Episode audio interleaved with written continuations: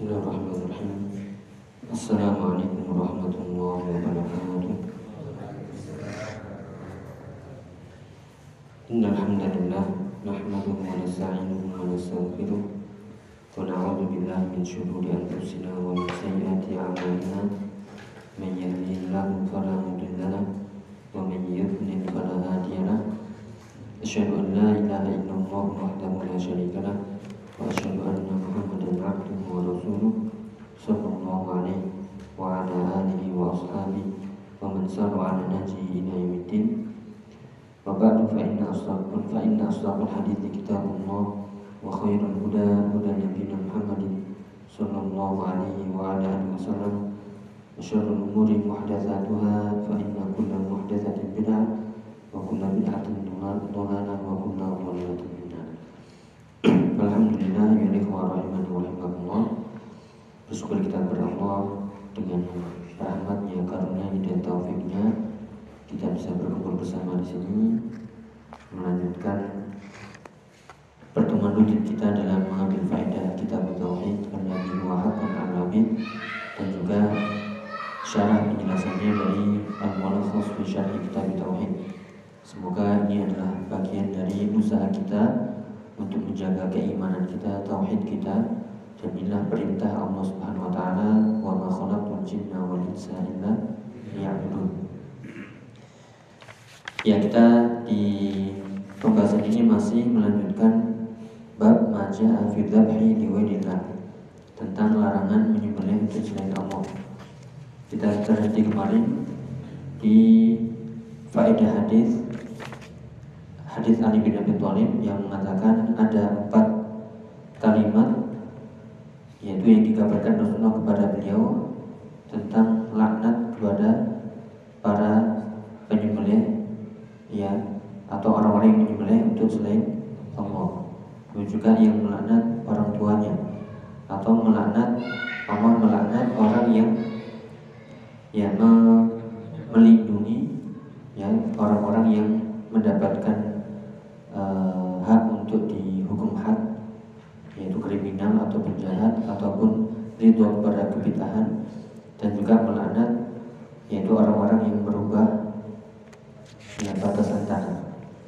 Silakan dibaca ma yustafadu hadis faedah-faedah hadis yang bisa kita ambil dari hadis tersebut ya. Yang pertama anda tabha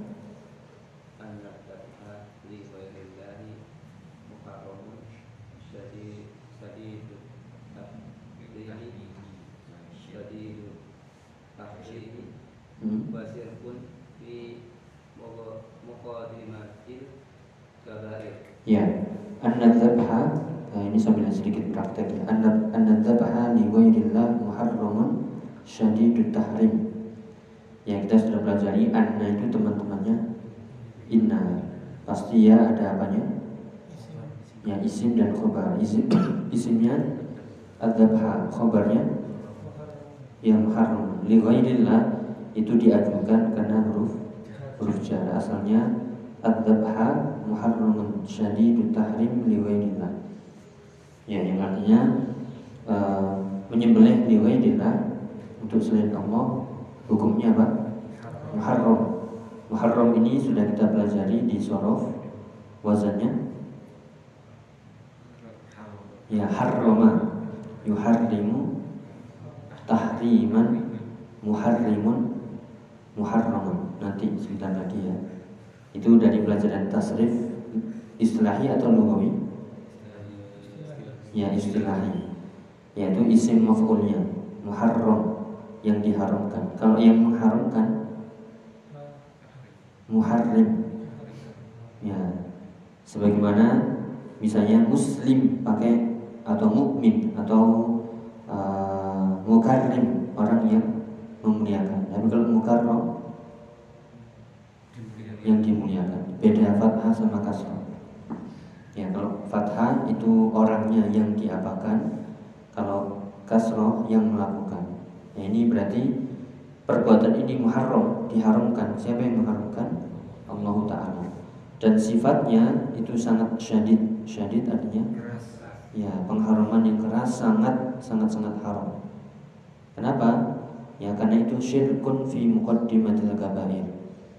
Ya, hukumnya selain haram juga ada ya ada syirik yang termasuk mukaddimah. Nah, di mukaddimah ini artinya macam-macam. Bukan ini maksud mukaddimah itu pembukaan, tapi ya awal dosa di antara dosa-dosa besar. Sebagaimana ini mukaddimatul raks, mukaddimatul insan raksuhu. Maksudnya ya awal manusia itu ujungnya ya yaitu kepalanya. Ya, jadi mukaddimah, mukaddimatul kalam apa? Sebenarnya awal ucapan. Jadi ini yang dimaksud adalah syirik dan dosa besar yang letaknya itu paling paling awal dari dosa-dosa besar. Ya, dari kabair, kabirah minal kabair. ya, lanjut an-nadzabha.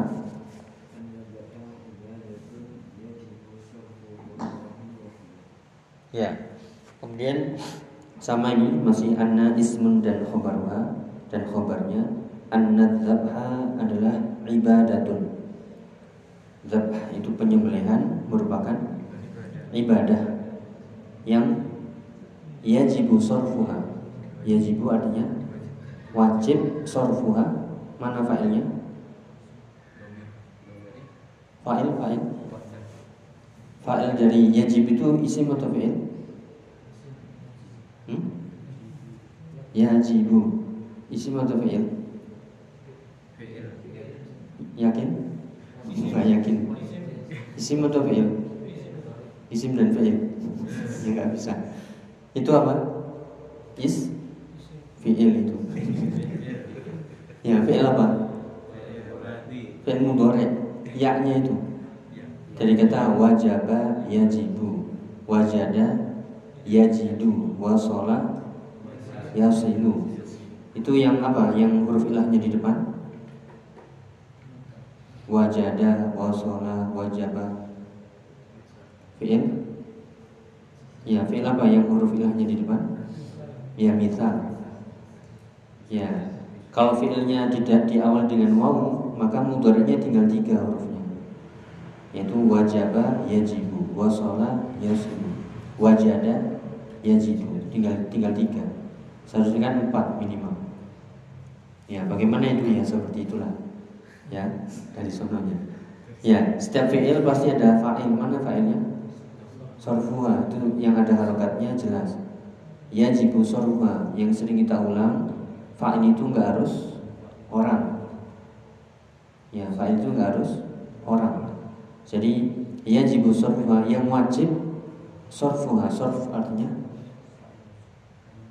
Sorf artinya merubah memalingkan. Yang wajib memalingkannya ya lillah ibadah uh, penyembelihan itu ibadah. Maka wajib memalingkannya memalingkan ibadah itu kepada siapa?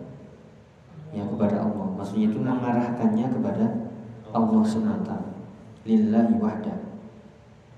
Makanya dalam pembahasan tauhid sekecil apa pun ibadah kalau itu ditujukan dipalingkan untuk selain Allah jatuhlah ya syirik. Ini bukan main-main dan ini perkara besar. Itu termasuk inna syirka la zulmun seperti wasiat Luqman kepada anaknya ya bunayya la tusyrik billah inna syirka la zulmun ya jadi sedikit saja ibadah dipalingkan untuk selain Allah ya jatuhlah kepada perkara perkara kesyirikan ini kita latih terus ya dalam sholat gimana biar tauhidnya lurus dalam ibadah zikir ya sholat-sholat sunnah, ya sholat nafilah, buah bacaan Quran kita, tolabul ilmi kita itu dituntut untuk apa? Selalu ikhlas lillahi ta'ala. Ayatnya sudah kita hafal, Qul inna sholati wa nusuki wa mahyaya wa mamati lillahi rabbil alamin. Ya kalau kita semuanya untuk lillah pasti mudah. Gak ada sesuatu yang berat. Ya, kita kalau nggak ikhlas itu jadi berat. Tapi kalau ikhlas seberat apa pun jadi jadi mudah, jadi ringan. Benar ya? Ya lanjut. Nomor tiga tahrimul tahrimu walidaini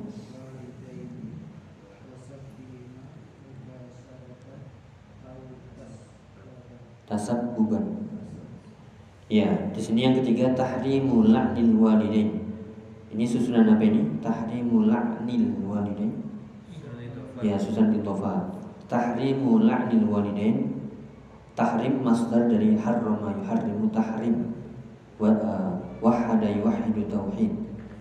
Ya, jawwada yujawidu tajwid. Ya, itu harus sering kita ulang-ulang Harrama mengharamkan berarti dia pengharaman laknat kepada kedua orang tua.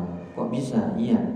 Seperti yang disebutkan sebelumnya, bisa jadi dia melaknat langsung menghina orang tuanya. Ya, dengan mencelanya langsung padahal di ayat wala taqul lahuma uffin wala mengatakan ah saja itu tidak boleh apalagi sampai mencela menghardik dengan suara keras ya itu wasab biha maksudnya adalah wasab bihima sabba yasubbu kemarin sudah ya. Kalau pakai sin artinya la tasubbu ashabi. Mencela. Ya jangan ya, mencela. Sabba yasubbu mencela.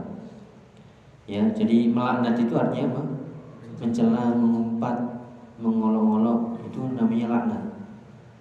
Ya bahkan dikatakan hewan ya naudzubillah dengan suara keras itu ada ya sebagian uh, orang tuanya dengan orang tuanya berkata keras, kasar. Ya, kemudian secara langsung mubasyaratan. Mubasyarah artinya langsung atau tasabbuban atau melalui sebab.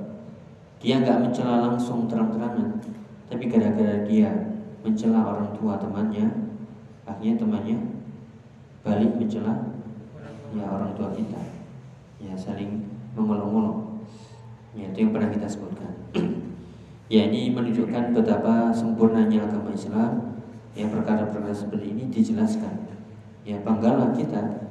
Uh, Inna dina indallahi al-Islam. Wa may yabtaghi ghairul Islam falayyubta falayyub falayyuqbala minhu. Siapa yang mencari agama selain Islam tidak akan diterima.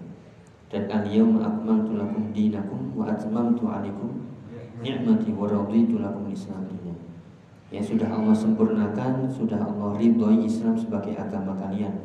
Maka bersyukurlah dan pegang erat-erat. Dan hiasilah perbuatan kita dengan Islam sendiri karena Islam itu bukan cuma simbol pakaian, simbol fisik namun juga ya perbuatan, perkataan, muamalah itulah. Ya, kita lihat bagaimana Nabi dakwahnya bukan hanya pakai lisan, namun pakai hal. Hal apa? Ya perbuatan, keadaan. Ya, lanjut nomor empat.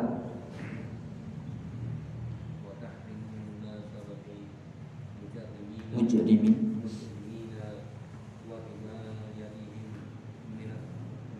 min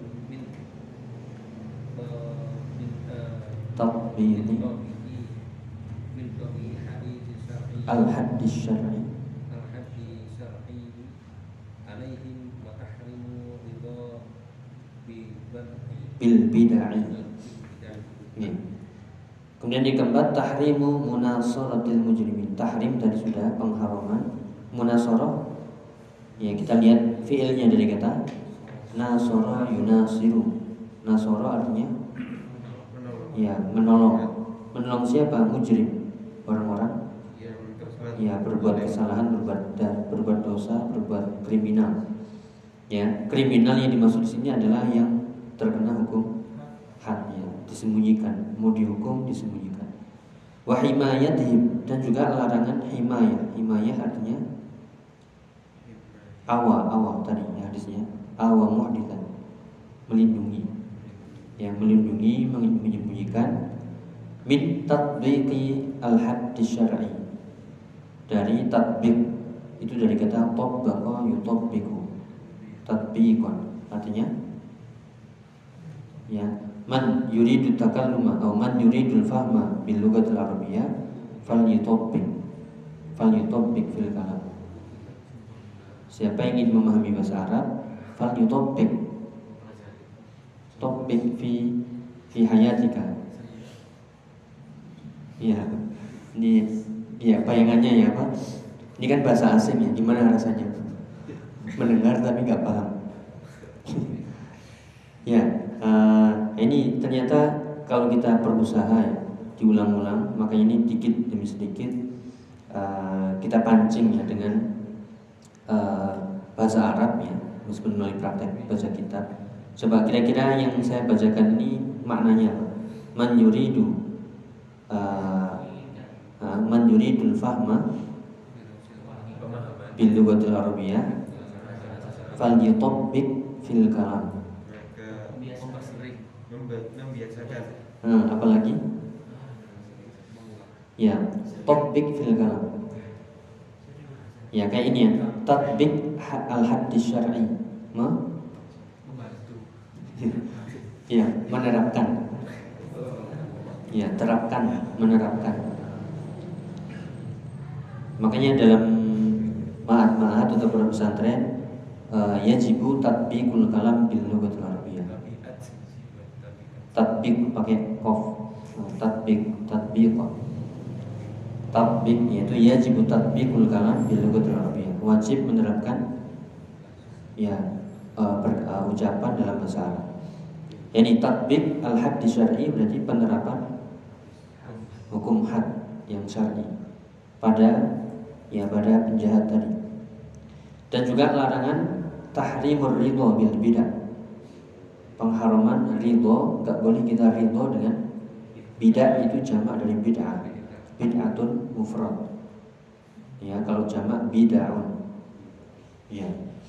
Jadi uh, sekali lagi haramnya membantu menolong melindungi penjahat yang terkena hukum had. Ya, dan juga uh, haram ridho yang kepada kebid'ahan. Ya ini yang sedang marak ya, naudzubillah semoga tidak terjadi di sini yaitu maraknya begal. Di mana? Begal.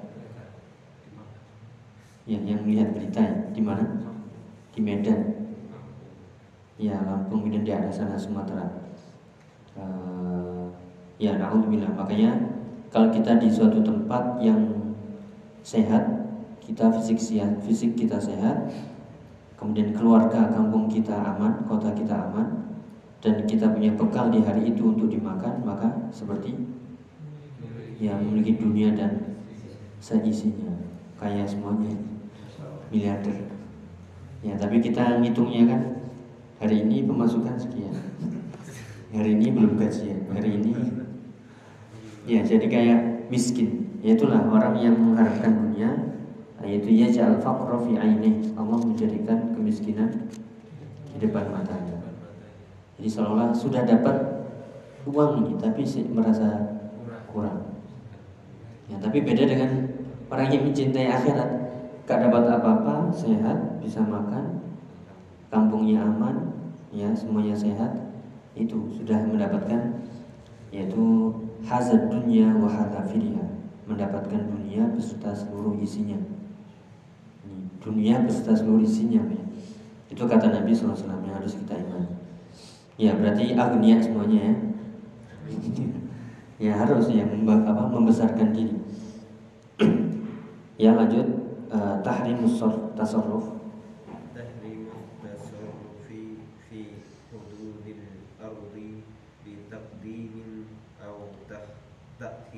Ya, tahrimus tasarruf pengharaman tasarruf itu artinya merubah-ubah fi hududil ardi.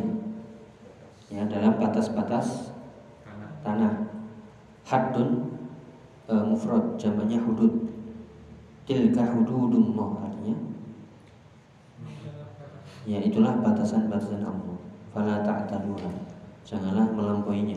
Ini hududul ardi berarti batasan-batasan tanah dengan cara apa? Takdim atau takhir takdim diajukan takhir ya mengundurkan yang mengurangi batas tanah atau nambah ya uh, lanjut nomor 6 jawazu. Lakni. Jawazu lakni anwa'il fusafi ya ajali zajri anil anil ma'asi ya jawazu lakni anwa'il anwa'il fusaf bolehnya jawaz ya sering kita dengar jawas boleh lakni anwa'il fusaq boleh melaknat macam-macam orang yang berbuat fasik. Bukan namanya loh ya, tapi perbuatan orang fasik itu. Coba ini ya kita lihat. La'anallahu man dhahaba li Allah melaknat orang yang menyembelih itu perbuatan fasik juga. Allah melaknat orang yang melaknat kedua orang tuanya. Nah, ini kan disebutkan laknat kepada pelaku-pelaku kefasikan, pelaku-pelaku dosa. Apakah ini nyebut nama? Tidak. Jadi boleh kita semoga laknat bagi orang yang minum khamar, yang berzina. Misalnya adalah tujuannya apa? Li ajli zajri anil ma'asi. Tujuannya adalah li ajli zajri agar berhenti dari ya kemaksiatan. Sehingga disebutkan ancaman laknat bagi orang pemakan riba, laknat bagi orang pezina, laknat bagi orang ya main musik, ya dan seterusnya dari perbuatan-perbuatan fasik. Ya dengan tujuan tadi li ajli zajar, zajar itu berhenti, berhenti stop dari ya kemaksiatan. Ini tidak uh, tafsik secara muayyan, bukan tafsik misalnya nyebut nama tidak. Ya tujuh hidung tidak tapi ini secara umum. Dan ini yang lihat kenapa nas-nas uh, teks-teks hadis ataupun ayat banyak melaknat secara umum. Jadi uh, bukan tunjuk itu nah, namun ya karena kedengarannya mungkin ya uh, menyinggung seseorang ya akhirnya dianggap kajian yang ya yang membitahkan yang memfasikkan mengkafirkan. Ya padahal tidak sebut nama Ya, itu ya uh, yang sudah kita ulang-ulang dari hadis Ali bin Abi Thalib. Kita lanjut ya. Ini hadisnya tentang yang kemarin kita isyaratkan uh, masuk surga karena lalat dan masuk neraka karena lalat. Yang kita bacakan ya. An Tariq ibni ya, An Tariqin An Tariq ibni Shihabin anna Rasulullah sallallahu alaihi wasallam dari Torik bin Syihab jadi seorang uh, ya yang dikatakan di sini pernah melihat Nabi namun belum pernah mendengar. Pernah melihat tapi belum pernah mendengar. Artinya pernah ketemu tapi belum sempat nyapa ngomong. Kira-kira ini sahabat sahabat atau bukan? Ya karena pengertian sahabat yang bertemu melihat Nabi dan mati dalam keadaan Islam Ya hanya saja belum pernah menyapa ya, belum pernah ketemu, eh, belum pernah berbicara. Ya uh, lanjut di situ bila berkata, ya hadis ini nanti akan dijelaskan ya. Uh, hadis ini mursal sahabi atau dalam riwayat yang lain terhenti sampai perkataan Salman Al Farisi. Nah Salman Al Farisi ini ya, ya pak sahabat atau bukan?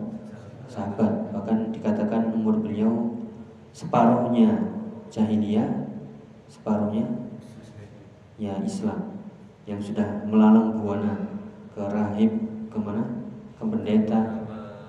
Ya semuanya mencari ilmu ini semangatnya. Kemudian di sisa-sisa umurnya yang mungkin sudah terlalu tua namun masih ada himmah aliyah ya, himmah aliyah belajar kepada Nabi Rasulullah bahkan jadi ya ulamanya. Bahkan Salman Al Farisi ini dikatakan dulunya adalah pemuka Yahudi. Namun ketika masuk Islam, oh itu Afan, Abdullah bin As, Abdullah bin Salam. Kalau Salman Al Farisi yang seperti tadi dicontohkan, yaitu tidak pernah putus dari namanya, ya menuntut ilmu. Jadi kerahib, ke pendeta, ya terus. Dan itu kalau tujuannya lillahi ta'ala ikhlas ya Allah akan tunjukkan ya jalannya ya. Uh, dikatakan ya hadisnya uh, ada beberapa beberapa pendapat. Ada yang mengatakan ini Israiliyat. Israiliyat artinya? Ya cerita-cerita Bani Israel nah, cerita-cerita Israiliyat sikap kita dalam akidah bagaimana? Membenarkan atau me, atau tawakuf diam diri. Ya ada rincian. Kalau itu sesuai syariat kita, maka kita benarkan. Kalau tidak sesuai syariat, ya kita diamkan. Artinya, ya nggak percaya dan juga ini diam saja. Itu kalau memang tidak ada syariat yang mendukung itu, yang mendukung hal itu. Kemudian namun ada yang mengatakan meskipun ini terhenti maukuf sampai sahabat, ya kalau itu berbicara masalah gaib, maka ya diimani karena tidak mungkin sahabat itu berdusta. Semua sahabat itu udul, semua sahabat dobit yaitu dipercaya siko. Ya namanya siko kalau riwayat pasti ya pasti pasti diterima. Ya, kemudian di sini ya uh, secara ringkas al jannah rajulun fi dhubab. Seorang masuk surga rajulun seseorang. Lihat di sini ya. Susunannya dakhala fi'il al jannah maf'ulun bi. Fa'ilnya. Ya setelahnya. Boleh? Boleh ya contohnya. Ya dakhala jannata rajulun. Akala at-ta'ama rajulun. Boleh? Qara'a al-qur'ana Muhammadun.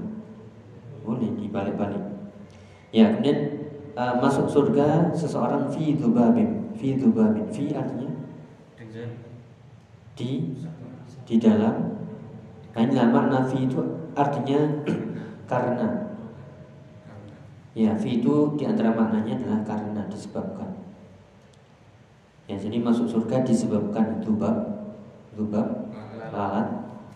ya wadakhulan naro rajulun fi dubab dan juga masuk neraka seseorang gara-gara lalat. Qalu para sahabat kaifa dzalika ya Rasulullah?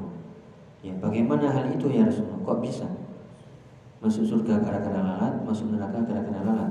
Qala marra rajulani marra yamurru. Fil apa ini? Baru kemarin. Ya mudhaf fi'il uh, isim fa'ilnya? Mar masih ingat? Marron rodun ya masuk. Marro ya murru marro artinya murur murur apa murur ya berjalan melewati. Rajulan dua orang sedang marro sedang melewati ala kaumin melewati sebuah kaum. Yang lahum sonamun yang kaum itu punya sonam berhala. La yujawizuhu ahadun ya tidak diperkenankan seorang pun yaitu dipersilahkan ahadun yang melewatinya hatta yukor riba nah ini kita nahmunya dikit ya. Hatta yukor riba asalnya yukor ribu mansub gara-gara? Gara-gara? Ya anut marotan ba'da hatta. Wujuban atau jawazan? Ya wujuban. Sudah bisa. Ya jadi hatta uh, yukor riba sampai yang lewat tadi apa korroba yukor ribu ya mendekatkan diri atau mempersembahkan makanya uh, ketika Kobil dan siapa Habil mereka kan disuruh takorub, disuruh takrib, yang disuruh apa mengorbankan sesuatu.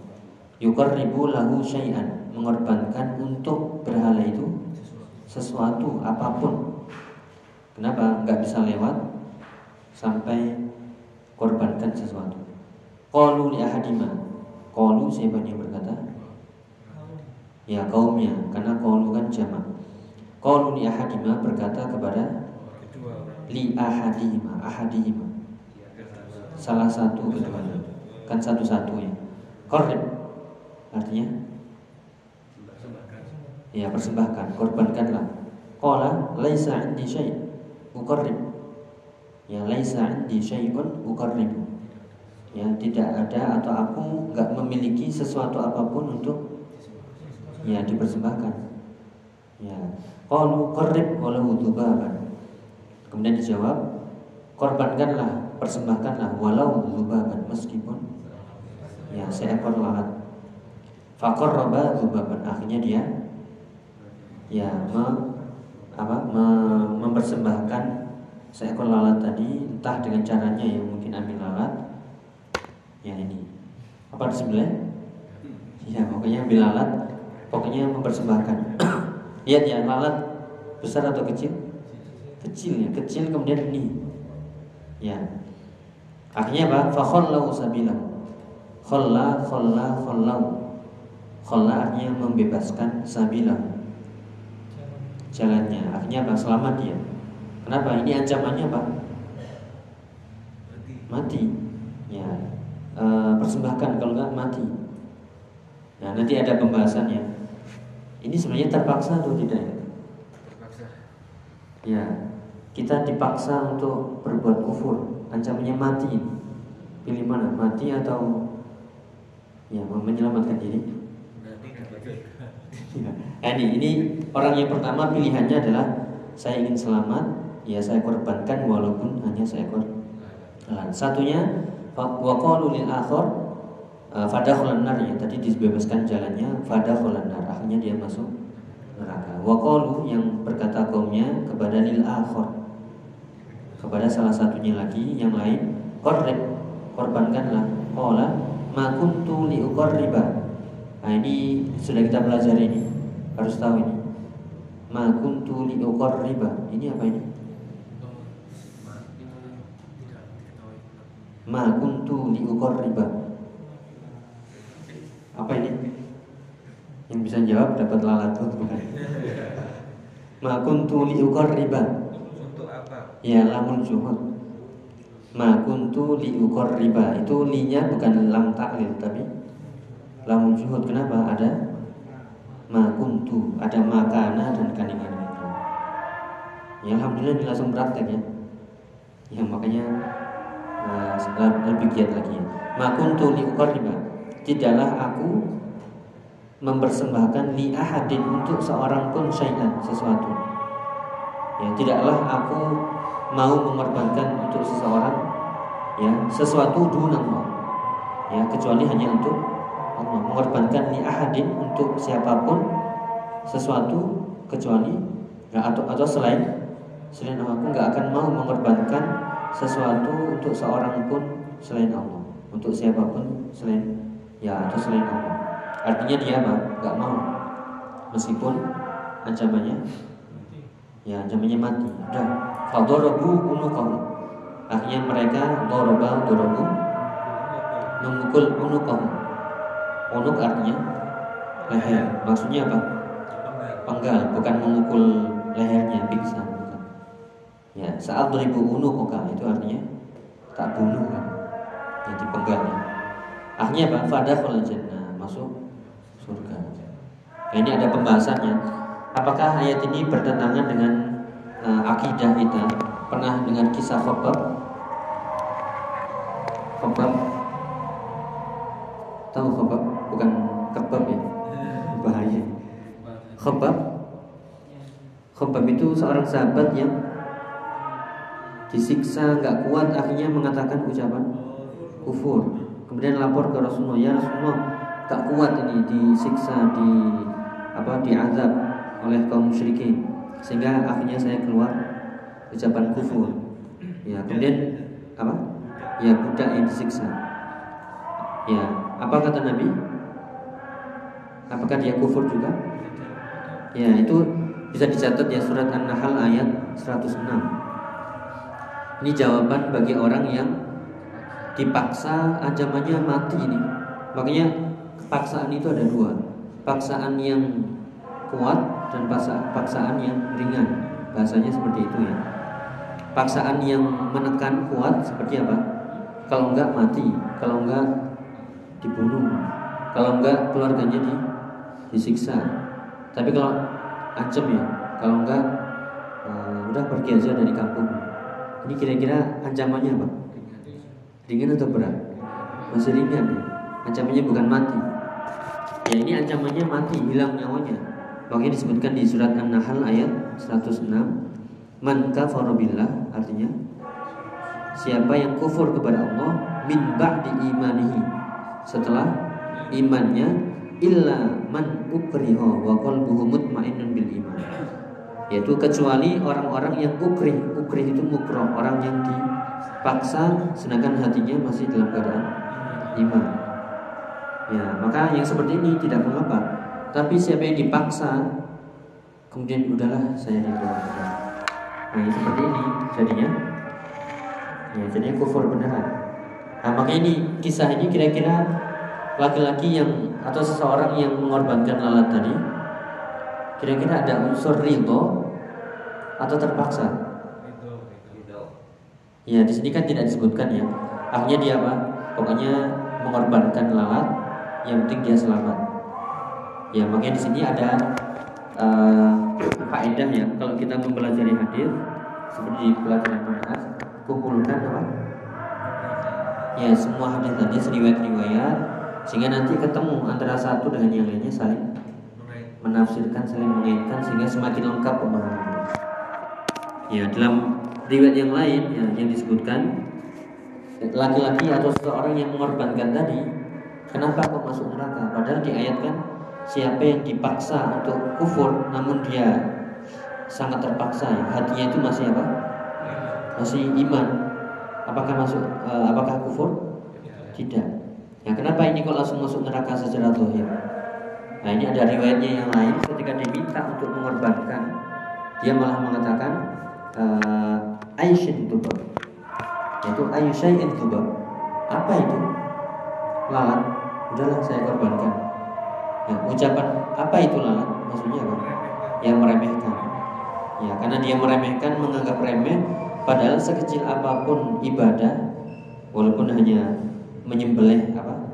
Mengorbankan lalat tapi itu kan ibadah harus ditujukan kepada Allah. Akhirnya apa? Walaupun seekor lalat karena dia meremehkan, ya sudah. Akhirnya apa? Ya akhirnya masuk neraka.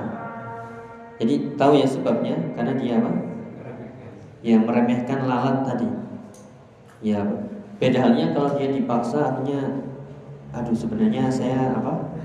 Eh, nggak uh, ridho, tapi ini ancamannya nyawa, ya karena uh, masih butuh hidup ya, masih butuh makan, minum, butuh keluarga, butuh ini hanya terpaksa. Seperti laporan khobar tadi, yang lapor kepada Rasulullah, ya Rasulullah saya terpaksa mengatakan ucapan kufur. Kenapa? Gak kuat disiksa. Akhirnya turunlah ayat An-Nahl ayat 106 tadi. Siapa yang kufur setelah imannya kecuali karena paksaan dan hatinya tetap iman maka tidak mengapa. Ya Amar bin Yasir juga. Ya e, dilihat orang tuanya terbunuh dia dipaksa. Ya ya, ya seperti itu. Ya alhamdulillah ujian kita nggak seberat mereka.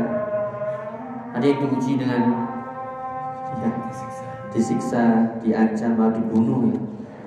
ya tidak seperti yang alhamdulillah seperti yang di Suria atau di Palestina yang di Rohingya. Itu dibantai terang-terangan kita yang aman ya. Ya meskipun hanya celaan hanya intimidasi ringan masuk ya di demo hanya di nyinggir di media sosial ya. Biasa ringan. Atau diomongi orang diomongin orang ya. Di kusuk biasa. Kecil. Ya dikucilkan masih kecil. Makanya ini uh, tugas kita atau pelajaran kita adalah ini tidak seberat cobaan orang-orang dahulu ya para salafus bahkan ketika sahabat tadi lapor ya ke Rasulullah Rasulullah malah mengatakan ujian masih lebih ringan daripada ujian orang-orang yang dahulu. Mereka ujiannya ya digeraji jadi dua antara iman dan kufur. Ya disisir dengan apa besi panas sampai mengelupas ya kulitnya ini masih ringan. Ya makanya harus lebih kuat lagi dan istiqomah ya ashabul jadi ini ya. Jadi intinya di sini jangan kita meremehkan ibadah sekecil apa pun yang sebenarnya ibadah itu tujuannya untuk apa? Allah. Namun kalau diberikan untuk selain Allah jadilah ya syirik. Dan gara-gara inilah masuk masuk neraka gara-gara lalai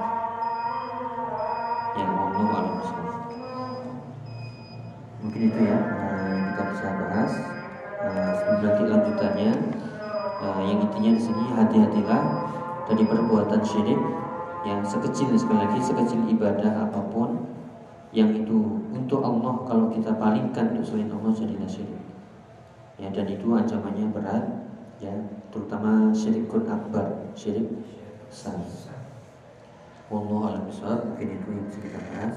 Mungkin ada yang tanyakan?